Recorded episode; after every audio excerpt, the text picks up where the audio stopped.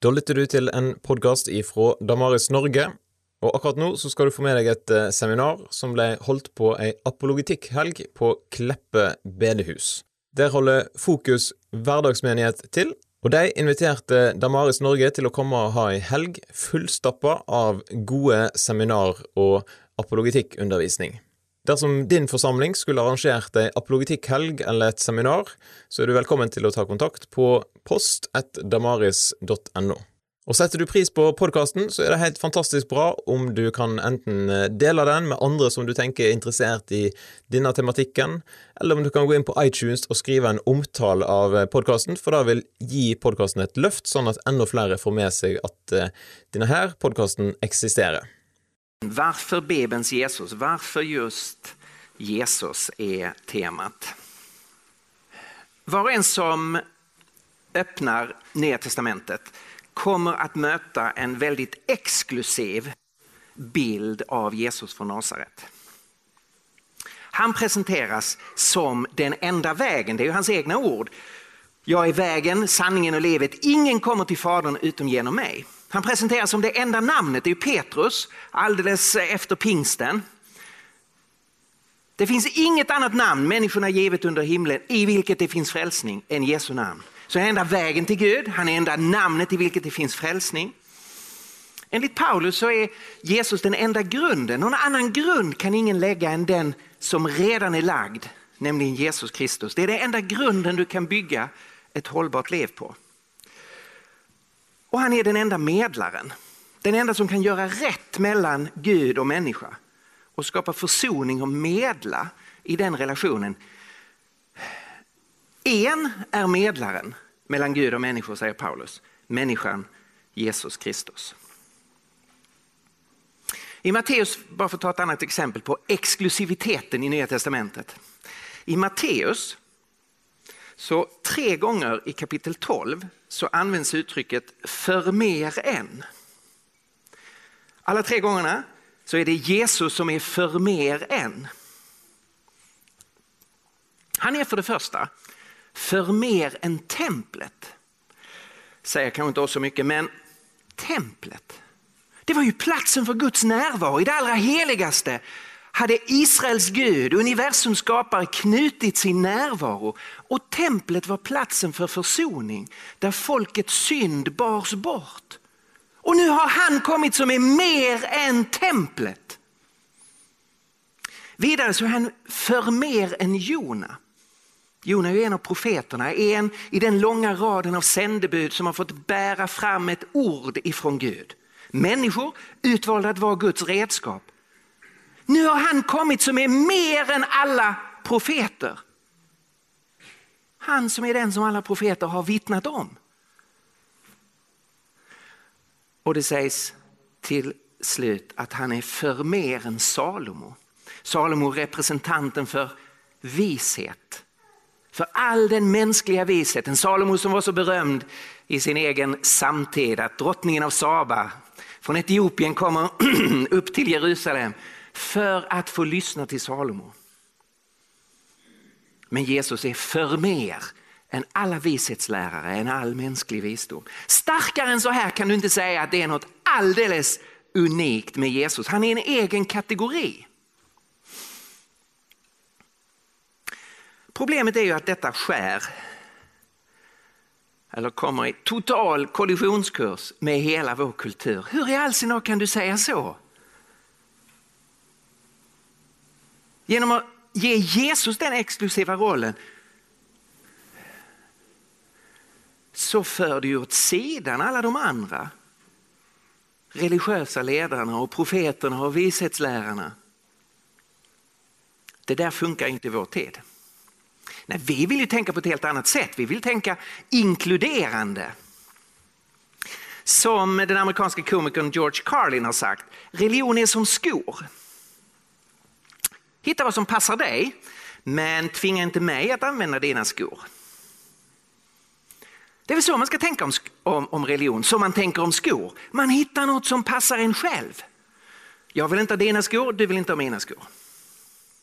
Så är det väl med religion, hitta din religion själv och låt andra ha sin religion. Om man, om, om man tänker på vad, vad är poängen med skor? Här har vi en hög med skor. Vad är poängen med skor?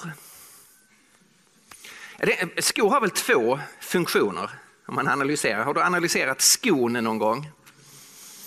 Alltså, skons funktion är att skydda foten mot köld och väta och vassa stenar. Så du ska skydda foten och sen ska den försköna foten. Ska estetisera en ful kroppsdel, en smutsig kroppsdel. Eller hur? Okay, det, det är så vi använder skor. Skydda foten, försköna foten.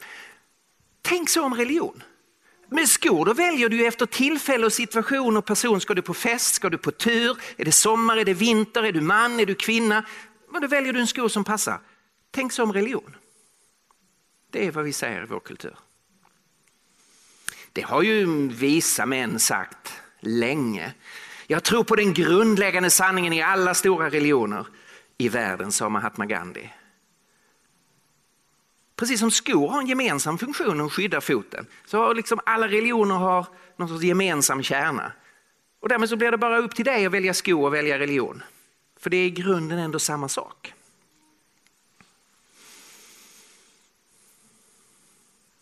Min barndomshjälte Cassius Clay, eh, senare känd under namnet Muhammad Ali, den legendariske tungviktsboxaren.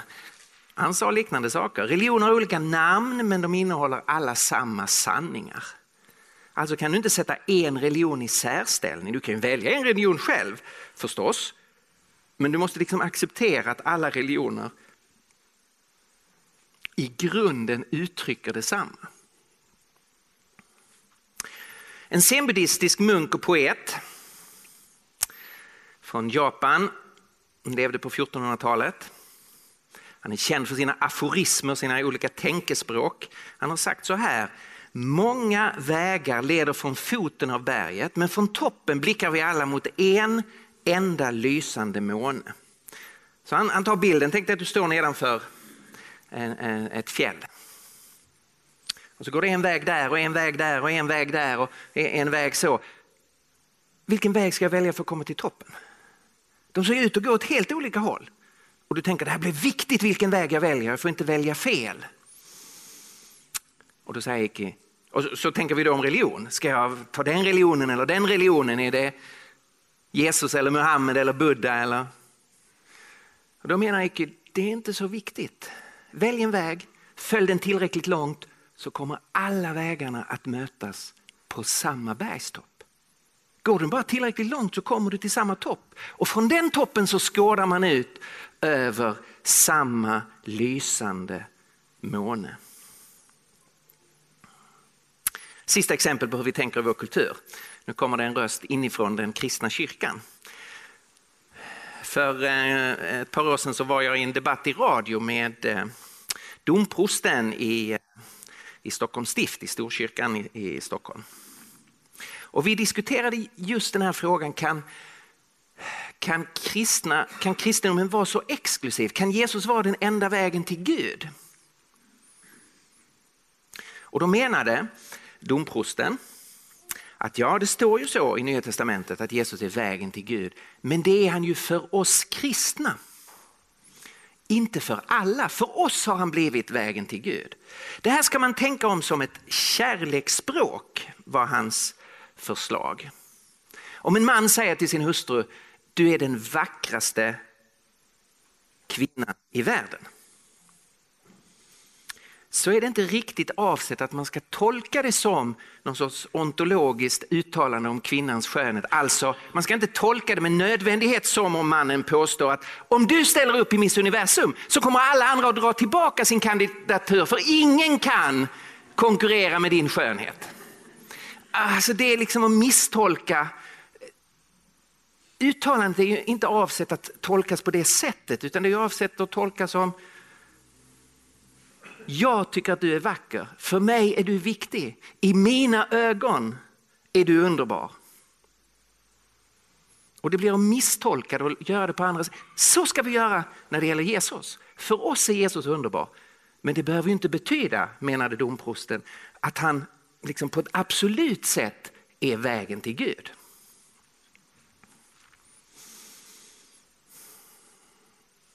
Om vi ska svara på frågan varför Bibelns Jesus så är det den här sortens frågeställning vi måste börja besvara.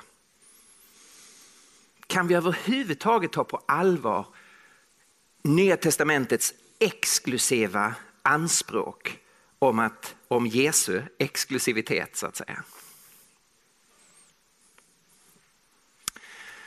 För att svara på den frågan så ska vi göra ett par saker. Det första vi ska göra är att vi ska börja tänka. Jag hoppas du tog med dig hjärnan hit. Det är dagens tips. Alltid när man går kyrkan eller öppnar en bibel så ska man ta med sig hjärnan. Så ni som har tagit med er hjärnan, nu kopplar vi på det. Man trycker på on-knappen. Okej, okay, så ska vi börja tänka. Ska vi använda det redskap som Gud har gett oss och försöka analysera den här frågeställningen. Jag vill börja med att berätta en historia. Det är Ravi Zacharias Eh, indisk evangelist och apologet med hela världen som sitt arbetsfält. Han berättar hur han var på ett universitet i USA, presenterade evangeliet, talade om eh, Jesus och det exklusiva med Jesus.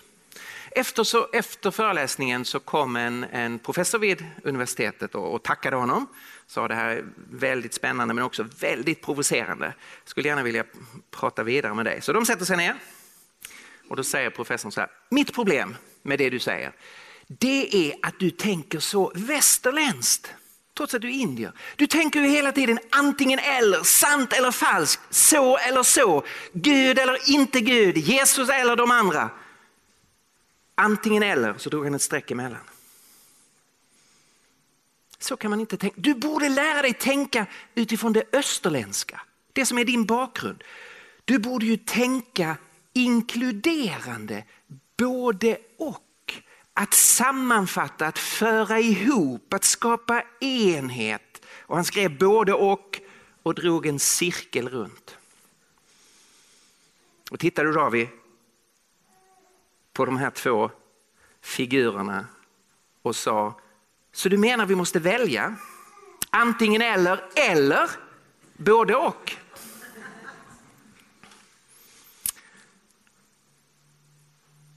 Här dök det upp ett problem.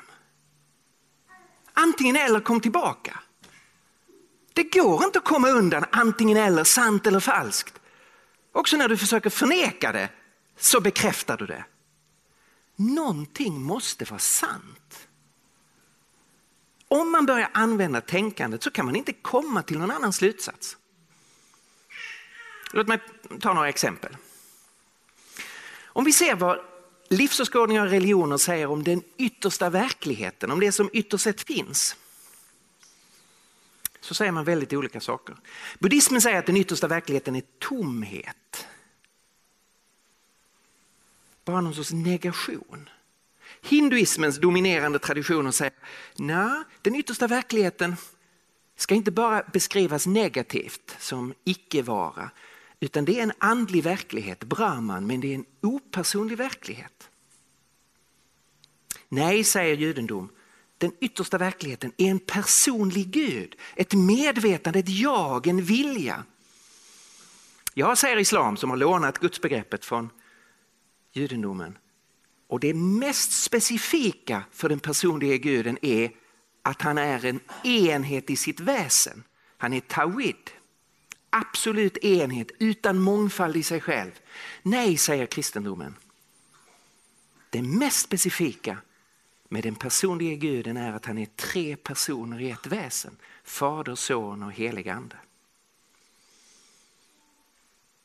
Jag är helt öppen för att du kan ehm, komma med ytterligare förslag på, vad som, på hur vi ska beskriva den yttersta verkligheten. Men jag går aldrig med på att detta skulle kunna vara sant samtidigt. Den yttersta verkligheten kan ju inte samtidigt vara tomhet och samtidigt en andlig verklighet som är opersonlig och samtidigt en personlig Gud som är en absolut enhet som samtidigt är en mångfald. Det går inte. Man måste välja.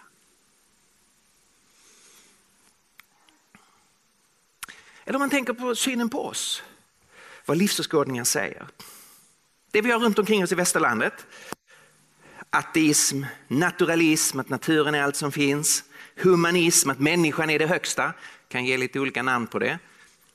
Men där man räknar bort Gud och bara ser på denna världen. Vad betyder det för synen på människan? Har människan en förblivande identitet? Nej, tar du bort Gud ur bilden då har människan ingen förblivande identitet. Då är vårt lilla liv en ljuslåga som flammar under bråkdelen av en sekund i den kosmiska historien. Och sen så blåses det ut och sen är vi borta. Vi har ingen fortsättning. Vi har ingen förblivande identitet.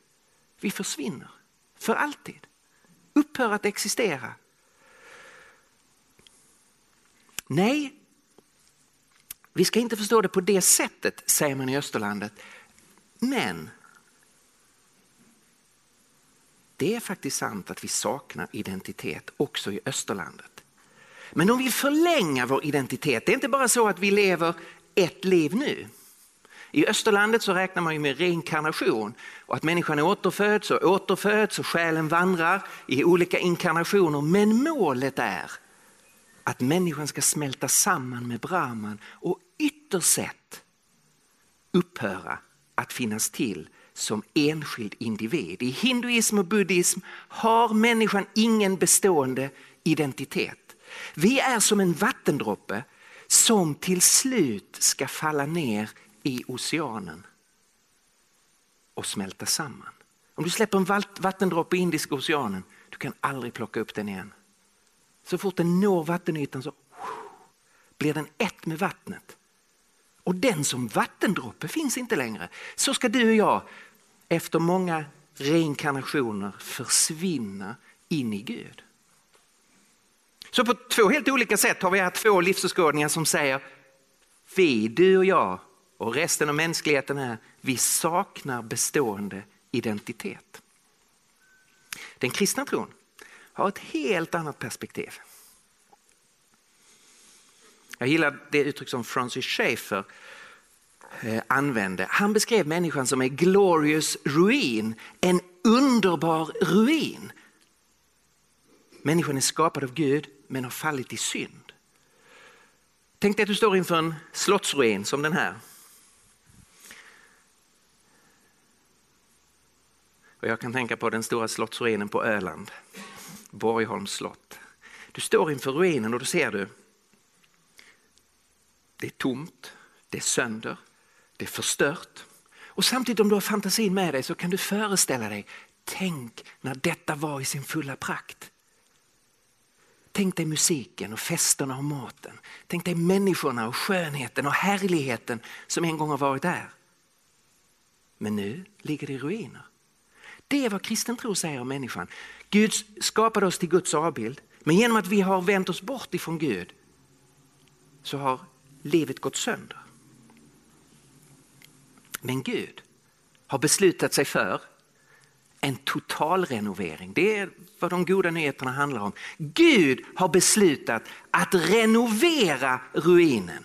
En människa kan bli född på nytt och få bli återställd till det som Gud skapade oss till.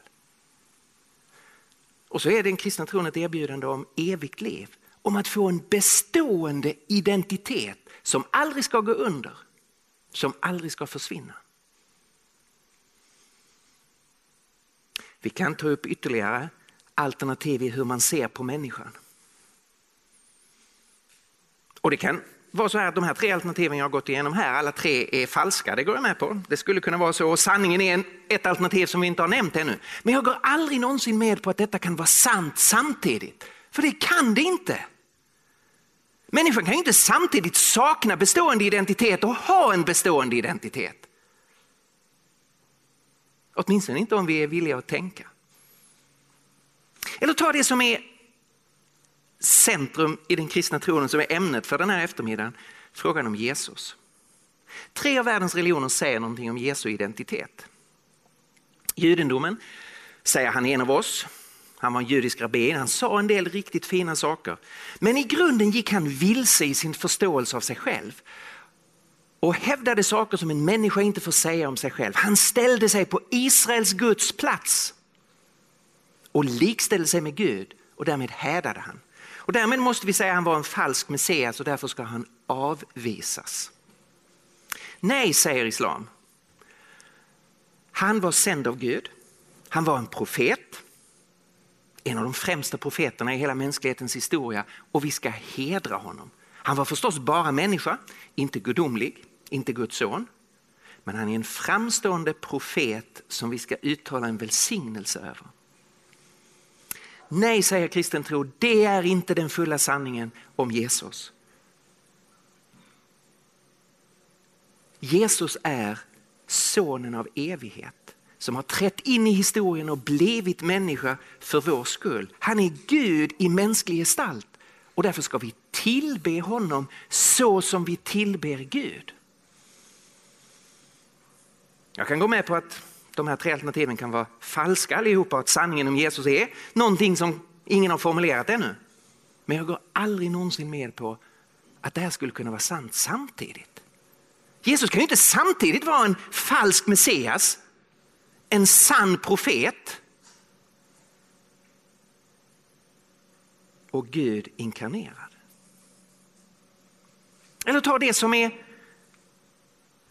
klimax i Jesu liv här på jorden, hans död och hans uppståndelse. Enligt islam så dog Jesus inte och därför uppstod han heller inte. När man förde Jesus till avrättningsplatsen så valde Allah, eftersom Allah kan ju inte låta sin profet lida en så förnedrande död, då valde Allah att skapa förvirring och av misstag korsfäste de romerska soldaterna fel person och Jesus kunde smita undan. Och så tog Allah upp Jesus till himlen. Så han varken dog eller uppstod. Han togs till himlen direkt. Nej, säger judendomen. Han dog och det var hans eget fel. Han hädade, han dömdes till döden, han dog och har förblivit död. Han har varit död i 2000 år. Han dog, men han uppstod inte. Nej, säger kristendomen, han dog och det finns en hemlighet med hans död. Det var en försonande död. Han dog för oss. Och Gud bekände sig till Jesus och uppväckte honom fysiskt på tredje dagen. Han dog för våra synder i enlighet med skrifterna och han blev begravd. Han uppstod på tredje dagen i enlighet med skrifterna och han visade sig. Möjligen, möjligen, möjligen kan alla de här tre vara falska och det finns ett fjärde alternativ som är sanningen om Jesus. Jag är öppen för att diskutera det. Men jag går aldrig med på att dessa tre saker kan vara sanna samtidigt. Det kan ju inte vara så att Jesus varken dog eller uppstod. Samtidigt dog han men uppstod inte. Samtidigt både dog han och uppstod han. Det hänger inte ihop. Man måste ta ställning. Så, lång inledning. Det går inte att komma undan sant eller falskt. Och det har inte med att göra ifall man är kristen eller inte. Det har bara med att göra om man är beredd att tänka eller inte.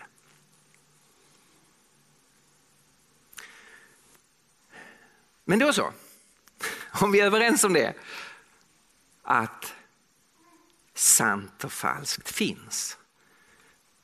Då har vi kvar hela vår fråga. Varför då Jesus? Varför hävda att Jesus är den exklusiva sanningen? Om vi tänker på religionernas eh, stora gestalter, Mose, Konfucius och Buddha, Lao Tse och Muhammed. Och vi kan fortsätta lägga till personer vi beundrar eller som är, är intressanta eller har haft inflytande. Varför sätta sin tillit till Jesus från Nasaret?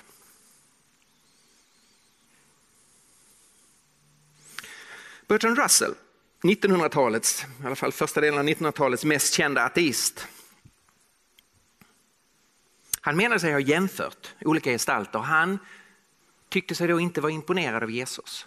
Han sa så här. Jag kan själv inte tycka att vare sig i fråga om visdom eller i fråga om dygd Kristus når lika högt som vissa andra människor som är kända i historien. Jag tror att jag skulle sätta Buddha och Sokrates högre i dessa avseenden. Eftersom jag är är i ett kristet sammanhang här så utgår jag från att de flesta av oss sätter Jesus högst. Och då måste man ju ställa sig frågan, varför gör jag det? Det här är en fråga som om, om vi är kristna vi, vi verkligen behöver fundera på. Varför menar jag att Jesus är unik? Och resten av det jag ska säga här nu hoppas jag ska fungera som en stimulans för dig att tänka. Inte att jag ger dig facit nu, jag kommer att försöka ge en motivering som jag skulle ge den. Eh, inte för att ni ska kopiera den men för att stimulera ert tänkande. Om någon skulle fråga dig, varför menar du att Jesus är unik? Vad hade du svarat då? Det är faktiskt en, en fråga som vi som kristna bör kunna föra ett samtal kring. Eller hur? Varför sätter vi Jesus framför alla andra gestalter?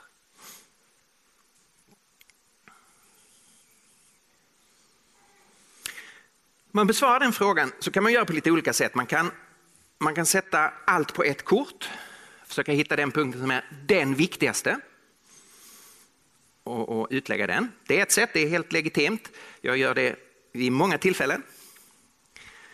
Så det kan vara ett bra sätt att ta en punkt som man menar, detta visar att Jesus är unik. Det jag ska göra idag är att jag ska göra på ett annat sätt. Jag ska ge en lite bredare bild. Så jag ska ge ett antal punkter som jag menar sammanlagt understryker det unika med Jesus från Nasaret. Så. Vad är det som är unikt med Jesus? Då skulle jag vilja lyfta fram sju olika saker. Sju olika aspekter. För det första, livskvaliteten. Jag skulle vilja titta på Jesu liv. Hur han levde, hur han agerade, vad han gjorde, hans attityd. Om man läser evangelierna så är det en av de första saker man slås av. Vilket annorlunda sorts liv. Kvaliteten i Jesus sätt att leva. Hur han relaterade till människor. Såg dem som andra gick förbi. Rörde vid dem som andra inte ville röra vid. Såg människors lidande och tog in det och fylldes av medlidande. Hur han hade modet att gå över kulturella barriärer som var felaktiga. Hur man föraktade samarier eller spetälska. Eller människor som på olika sätt hade agerat fel. Och hur Jesus bjöd in dem till sin gemenskap. Han var en strålande personlighet, han samlade massor med människor. Han hade alla möjligheter att skapa sig en plattform för makt, för inflytande, för beundran, för pengar. För... Han gör inte det. Han väljer att leva för andra människor helt konsekvent. Och jag säger, jämför Jesu liv med vilken annan gestalt som helst. Läs biografierna över Gautama Buddha, eller över Muhammed, eller över Konfucius. Eller alla stjärnor i vår tid. Och jämför kvaliteten i deras liv. Jag skulle vilja lyfta fram undervisningen. Jag vet ingen som har en sån strålande undervisning som Jesus från Nasaret. Ingen har formulerat livets mening vackrare än Jesus. Du ska älska Herren din Gud av hela ditt hjärta, av hela din själ, av all din kraft och av hela ditt förstånd. Och du ska älska din nästa som dig själv. Kärleken är essensen av mänskligt liv. Det är därför vi finns till. För att relatera till Gud och relatera till andra människor.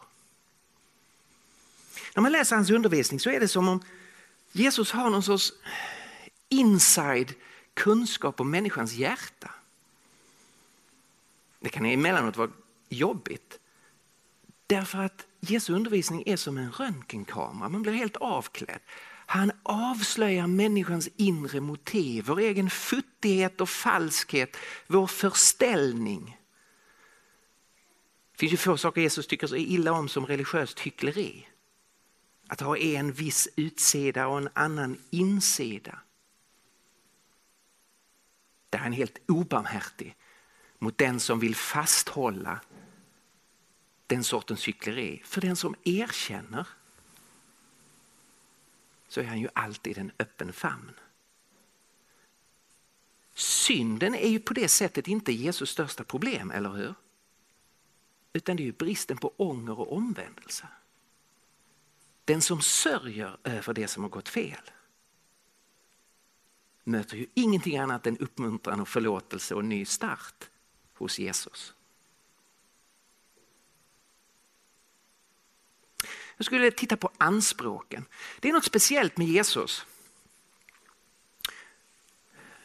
Både hur han själv relaterar till Gud. Han verkar ha det som vi andra saknar, en obruten kontakt med Gud. Jesus söker inte Gud på det sättet som Muhammed sökte Gud när han gick ut i grottan för att han, han kände inte Gud och han kände bara tomhet och sökte Gud. Buddha hade inte sanningen. Han inser att han inte förstår och ger sig ut på en decennielång vandring för att finna hur det är. Jesus har i sig själv det som alla vi andra söker. Det är därför han säger kom till mig, du som törstar. Och jag ska ge dig att dricka. Kom till mig du som hungrar och jag ska ge dig att äta. Kom till mig du som bär på bördor och jag ska lyfta av dem. I allt detta så finns det ju ett, det finns ju ett anspråk på att vara mer än en människa, eller hur? En människa kan ju inte vara svaret på alla andra människors inre hunger och törst. Det är ju helt bisarrt om man som en vanlig människa skulle säga till resten av mänskligheten Kom till mig du som hungrar i ditt inre så ska jag kunna släcka den hungern och den törsten. Det är ju bara skrattretande. En människa kan ju inte vara svaret på alla andra människors hunger och törst och längtan. Det är ju bara Gud som kan vara det. Det är ju bara ett annat sätt att säga att han är Gud, eller hur? Och det är ju detta som sen återkommer hela tiden.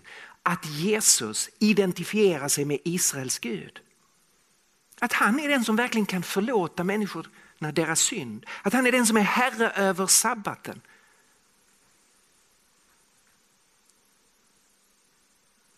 Och han kan ju säga det förstås rakt ut.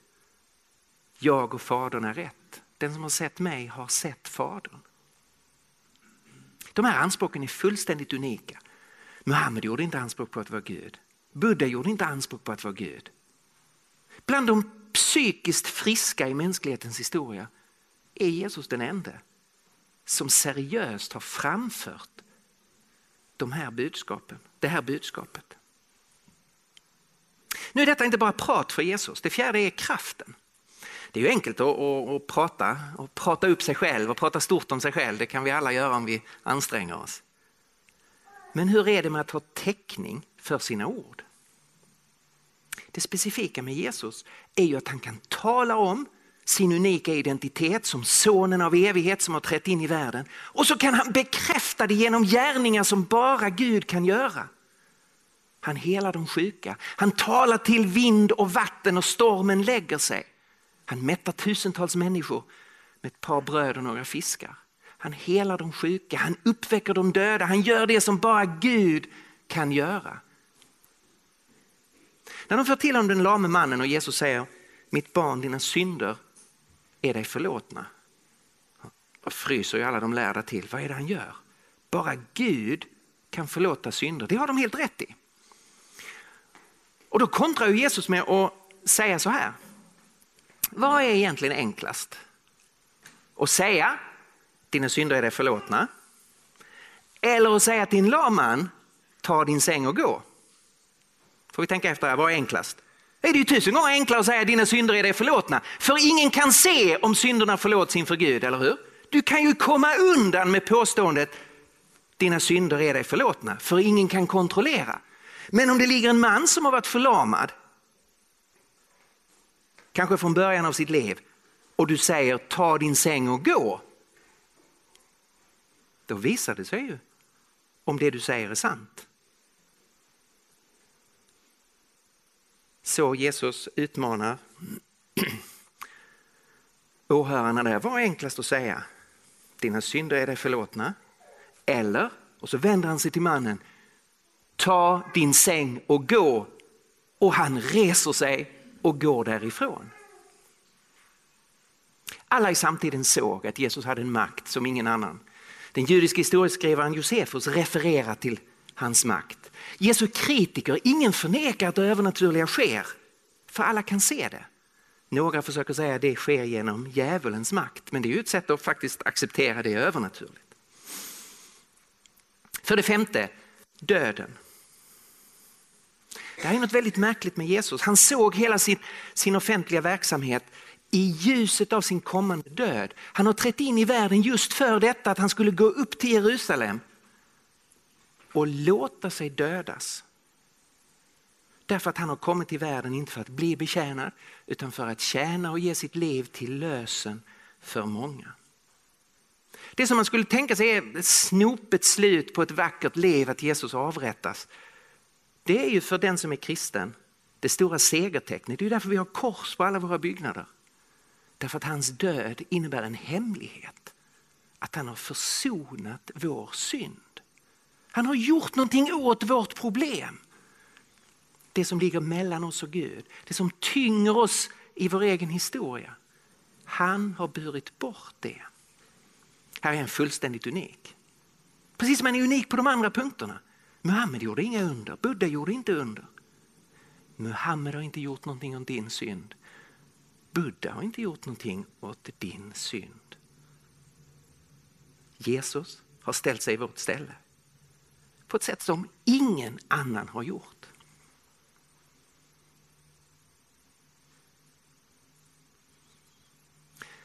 För det sjätte, uppståndelsen. Och det är klart, skulle jag ta en punkt så skulle jag förstås ta uppståndelsen. Det är ju liksom det allra skarpaste beviset på det unika med Jesus. Muslimer går till Muhammeds grav. Buddhister går till Buddhas grav. Vi kristna går inte till någon grav. Ja, jag vet, det finns en grav i Jerusalem och det är väl intressant att besöka den för att titta på platsen där Gud uppväckte Jesus. Vi går ju inte för att titta på ett lik. För det har inte funnits någon död kropp på 2000 år. Han uppväcktes. Det är ju Guds stora ja över Jesus, att Gud bekräftar allt det Jesus sa om sig själv. Och där Gud bekräftar att Jesu död var en försoning. Uppståndelsen det är själva nyckeln. Det helt unika med Jesus. Och för det sjunde, profetierna. Allt detta som har hänt med Jesus är insatt i ett fascinerande, spännande mönster i de profetiska skrifterna i Gamla Testamentet. Genom en tidsperiod av, av eh, minst 1500 år så kommer det löften från olika personer vid olika tidpunkter på olika platser om att en dag ska en kvinna bära ett barn. Och genom det barnet så ska den onda makten krossas. En dag ska någon födas i Abrahams släkt. Och genom honom ska välsignelse komma över alla folk. En dag ska en jungfru vänta barn. En dag ska en son födas. En dag ska någonting ske i Betlehem. En dag ska en tjänare framträda som inte ska bli igenkänd. Och man ska inte se att Gud finns i honom men han ska bära bort sitt folks synder. Här är ett mönster som ingen människa har lagt och som uppfylls i Jesu liv, i Jesu död, i hans uppståndelse. Och vi kunde förstås titta på Jesu ursprung. Jesus blir inte till när han blir till som människa i Marias liv. Jesus har sitt ursprung av evighet. Han är sonen av evighet som fanns innan världen fanns. På punkt efter punkt så är Jesus unik, så är han fullständigt eh, unik. Han är i en klass för sig. Därför kan man inte jämföra honom. Han är den ojämförliga.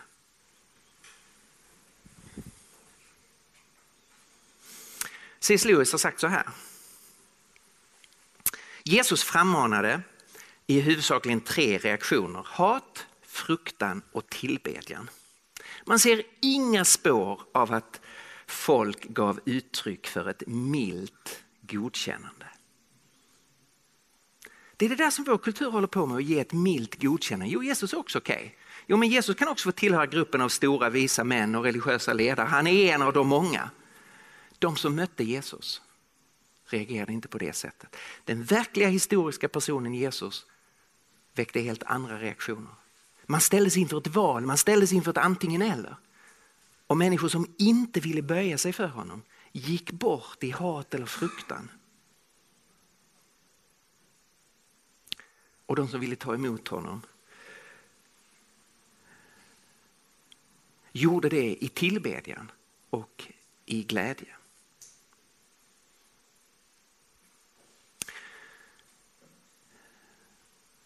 Jag brukar ofta ställa den här frågan. Vad har de andra religiösa ledarna gjort för mig? Och då är ju svaret ingenting. Vad har Buddha gjort för mig? Ingenting. Vad har Muhammed gjort för mig? Ingenting. Vad har Konfucius gjort för mig? Ingenting. Men om jag ställer frågan så här. Vad har Jesus gjort för mig? Så blir ju svaret helt annorlunda. Han ställde sig på min plats. Ett sätt att tänka kring Jesus kontra de andra, kristen tro kontra de andra religionerna, det är att använda den distinktion som Timothy Keller ofta använder mellan goda råd och goda nyheter. Om man lyssnar in de andra religionerna så ger de i grunden goda råd. Lev så här, gör så här, tänk så här, så kan ditt problem lösas.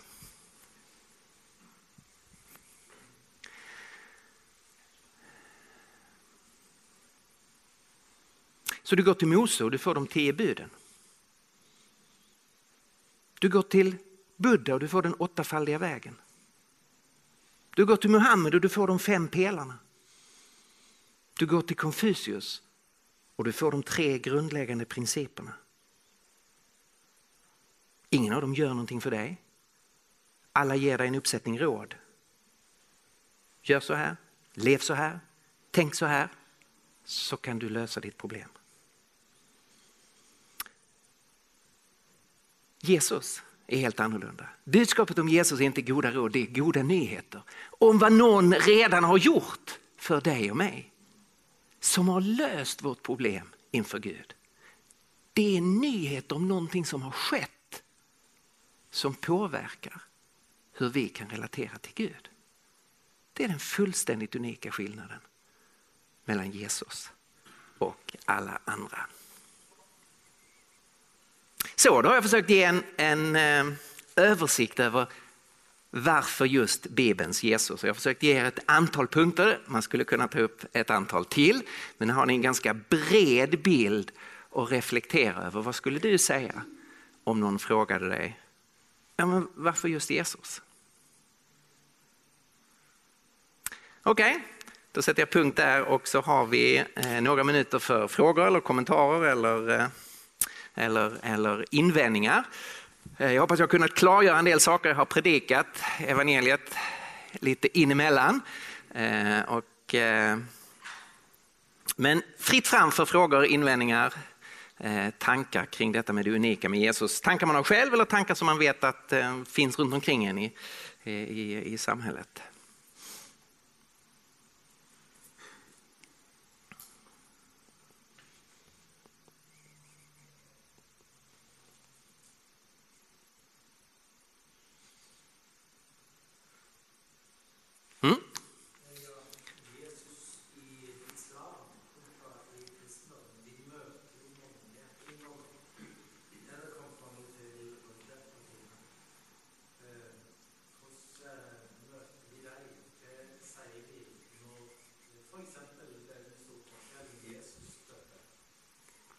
Just det. Så.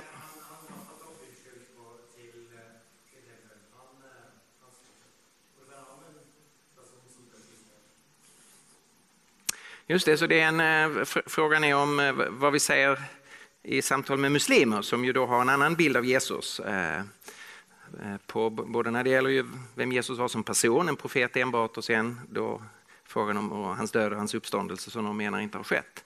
Vad kan vi säga där? Det är en, det är en jätteviktig fråga och det är viktigt för oss att veta att muslimer har ju en högaktning för Jesus så vi har en bra ingång att tala om vår tro just utifrån Jesus. Eh, han nämns på många ställen i Koranen. Eh, han kallas för Isa. Muslimer uttalar ju ofta en välsignelse efter hans namn eh, som man högaktar. Jesus han är ju enligt muslimer på vissa områden en, en, en högre profet än Muhammed. Eftersom Jesus var född av en jungfru, det var inte Muhammed. Jesus gjorde under, det gjorde inte Muhammed. Jesus kallas för Guds ord och har olika fina titlar i, i Koranen som Muhammed inte hade.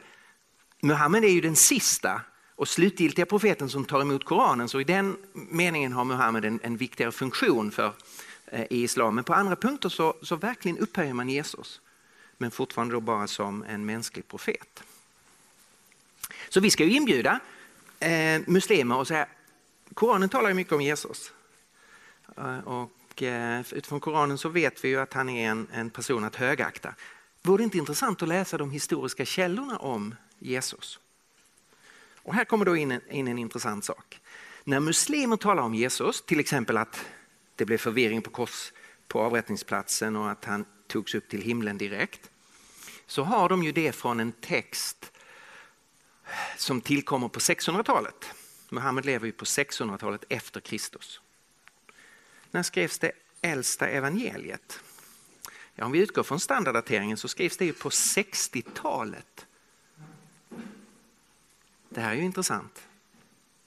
Vi har ett källmaterial om den historiska personen Jesus som skrivs ner på 60-talet och de har ett material som skrivs ner på 600-talet. Det här är ju ett visst perspektiv kring vilket källmaterial bör man ge företräde när det gäller att skapa bilden av vem Jesus var. Vem vet någonting om Jesus på 600-talet? Det är som om jag skulle skriva ner någonting om renässansen. Det här är ett material som går tillbaka till ögonvittnen, de som kände Jesus. Så här behöver vi liksom lyfta in evangelierna som biografier om Jesus som är tillkomna, biografierna är tillkomna bland människor som kände Jesus.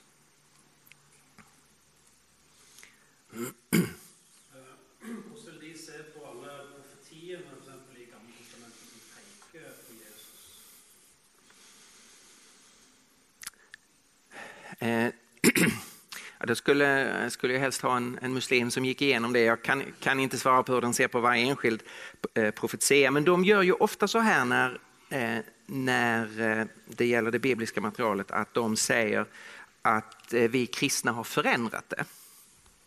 Och därför när de, när de stöter på någonting som är problematiskt eh, ur, ur deras synvinkel så tar de ofta den utvägen och säger nej men så, så har det nog inte stått från början utan det har eh, förändrats i, i den här processen av att man har kopierat och skrivit av texterna. Det har de inga historiska argument för, men det är en föreställning som sprids väldigt eh, vitt bland muslimer. Eh, eh, så det blir då ett annat område. Här är ju, hela den här frågan om islam, det är ju för oss kristna i Norden, det är ju en helt ny frågeställning. Vi har, liksom ingen, vi har ingen tradition, ingen historia att i våra länder här relatera till muslimer och därför kan vi väldigt lite om islam, kan lite om Koranen. Det är jätteviktigt för oss nu att vi blir insatta i vad muslimer tänker, vad islam hävdar och att vi förstår deras sätt att resonera så att vi kan eh, så att vi kan föra, eh, kan föra samtal med dem. Och då måste vi också bli, bli bättre på att besvara deras eh, specifika invändningar. Och en sån huvudinvändning som de ofta kommer med det är att att eh, Gamla Nya Testamentet stämde ursprungligen med Koranen men judar och kristna har ändrat i sina texter. Det är därför som det liksom inte stämmer överens. Och då måste vi visa att, att de har fel i det. Att eh, de bibliska texterna har inte alls ändrats till sitt innehåll. Eh, utan det är en, eh, en myt som spreds bland muslimer. Ja?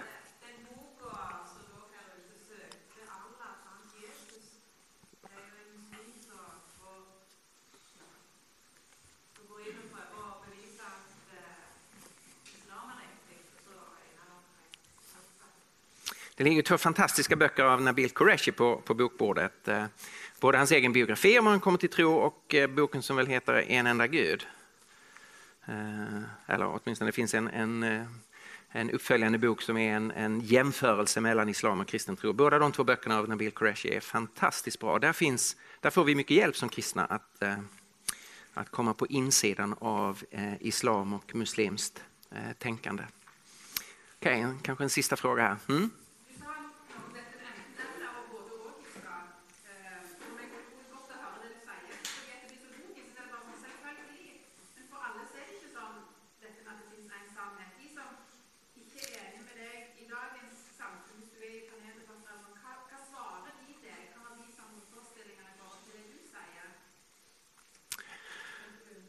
Ja, alltså det, den här inställningen att, eh, att med både och och att eh, olika saker kan vara sanna samtidigt. Det är ju mest en känsla. Alltså det känns bra att säga så. Det minskar social friktion. Vi behöver inte ta ställning, behöver inte säga jobbiga saker. Eh, vi kan alltid instämma. Det är liksom emotionellt lättillgängligt. Någon säger någonting. Åh, vad fint. Och så behöver man aldrig säga det jobbiga. Nej, jag är inte säker på att jag ser det så. Eh, så emotionellt och, och socialt så, så, kan det eh, fungera. Men de flesta har ju ingenting att säga om man sen börjar, börjar diskutera det här. Eh, därför att det är en fullständigt ohållbar, en ohållbar uppfattning. Och ingen tillämpar ju den på allvar. Och, och, det kan ju vara bra att ha lite, ha lite exempel för, för att illustrera det här. Eh, alltså om jag, det finns ju situationer när jag önskar att det vore så här. Att något är sant för dig och något annat är sant för mig. Till exempel när jag går till banken så önskar jag att jag kan säga för mig finns det en miljon kronor på det här kontot. Jag skulle vilja ta ut dem nu.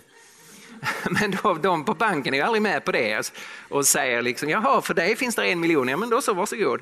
Utan då rör man sig plötsligt på någon sorts faktaplan här. Jag har satt in ett visst antal kronor, det är de kronorna jag har. Och det är inte liksom för mig och för dig och här kan olika saker vara sanna. När man går till en läkare så är det ju samma.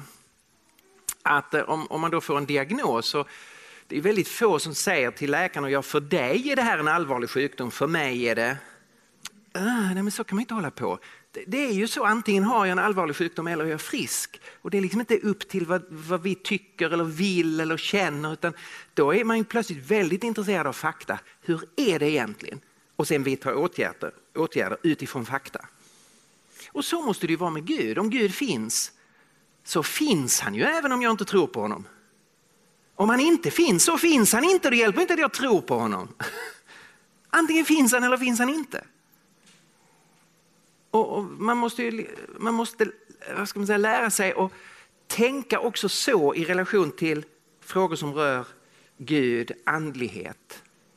Det är faktiskt inget annorlunda än, eh, än, eh, än andra frågor. Vid bokbordet så, så finns de här eh, två böckerna som jag har skrivit, Skeptikerns guide till Jesus. Del 1 och del 2. Det jag har talat om idag finns i del 2 om Jesu identitet och uppståndelse så vill du ha mer av det här så är det den boken du ska satsa på. Och sen i nästa föreläsning så kommer jag att ta upp eh, eh, en del av det som finns i, i del 1. Men om du vill följa upp det här så är det Skeptikerns guide till Jesus del 2 som du ska satsa på vid bokbordet.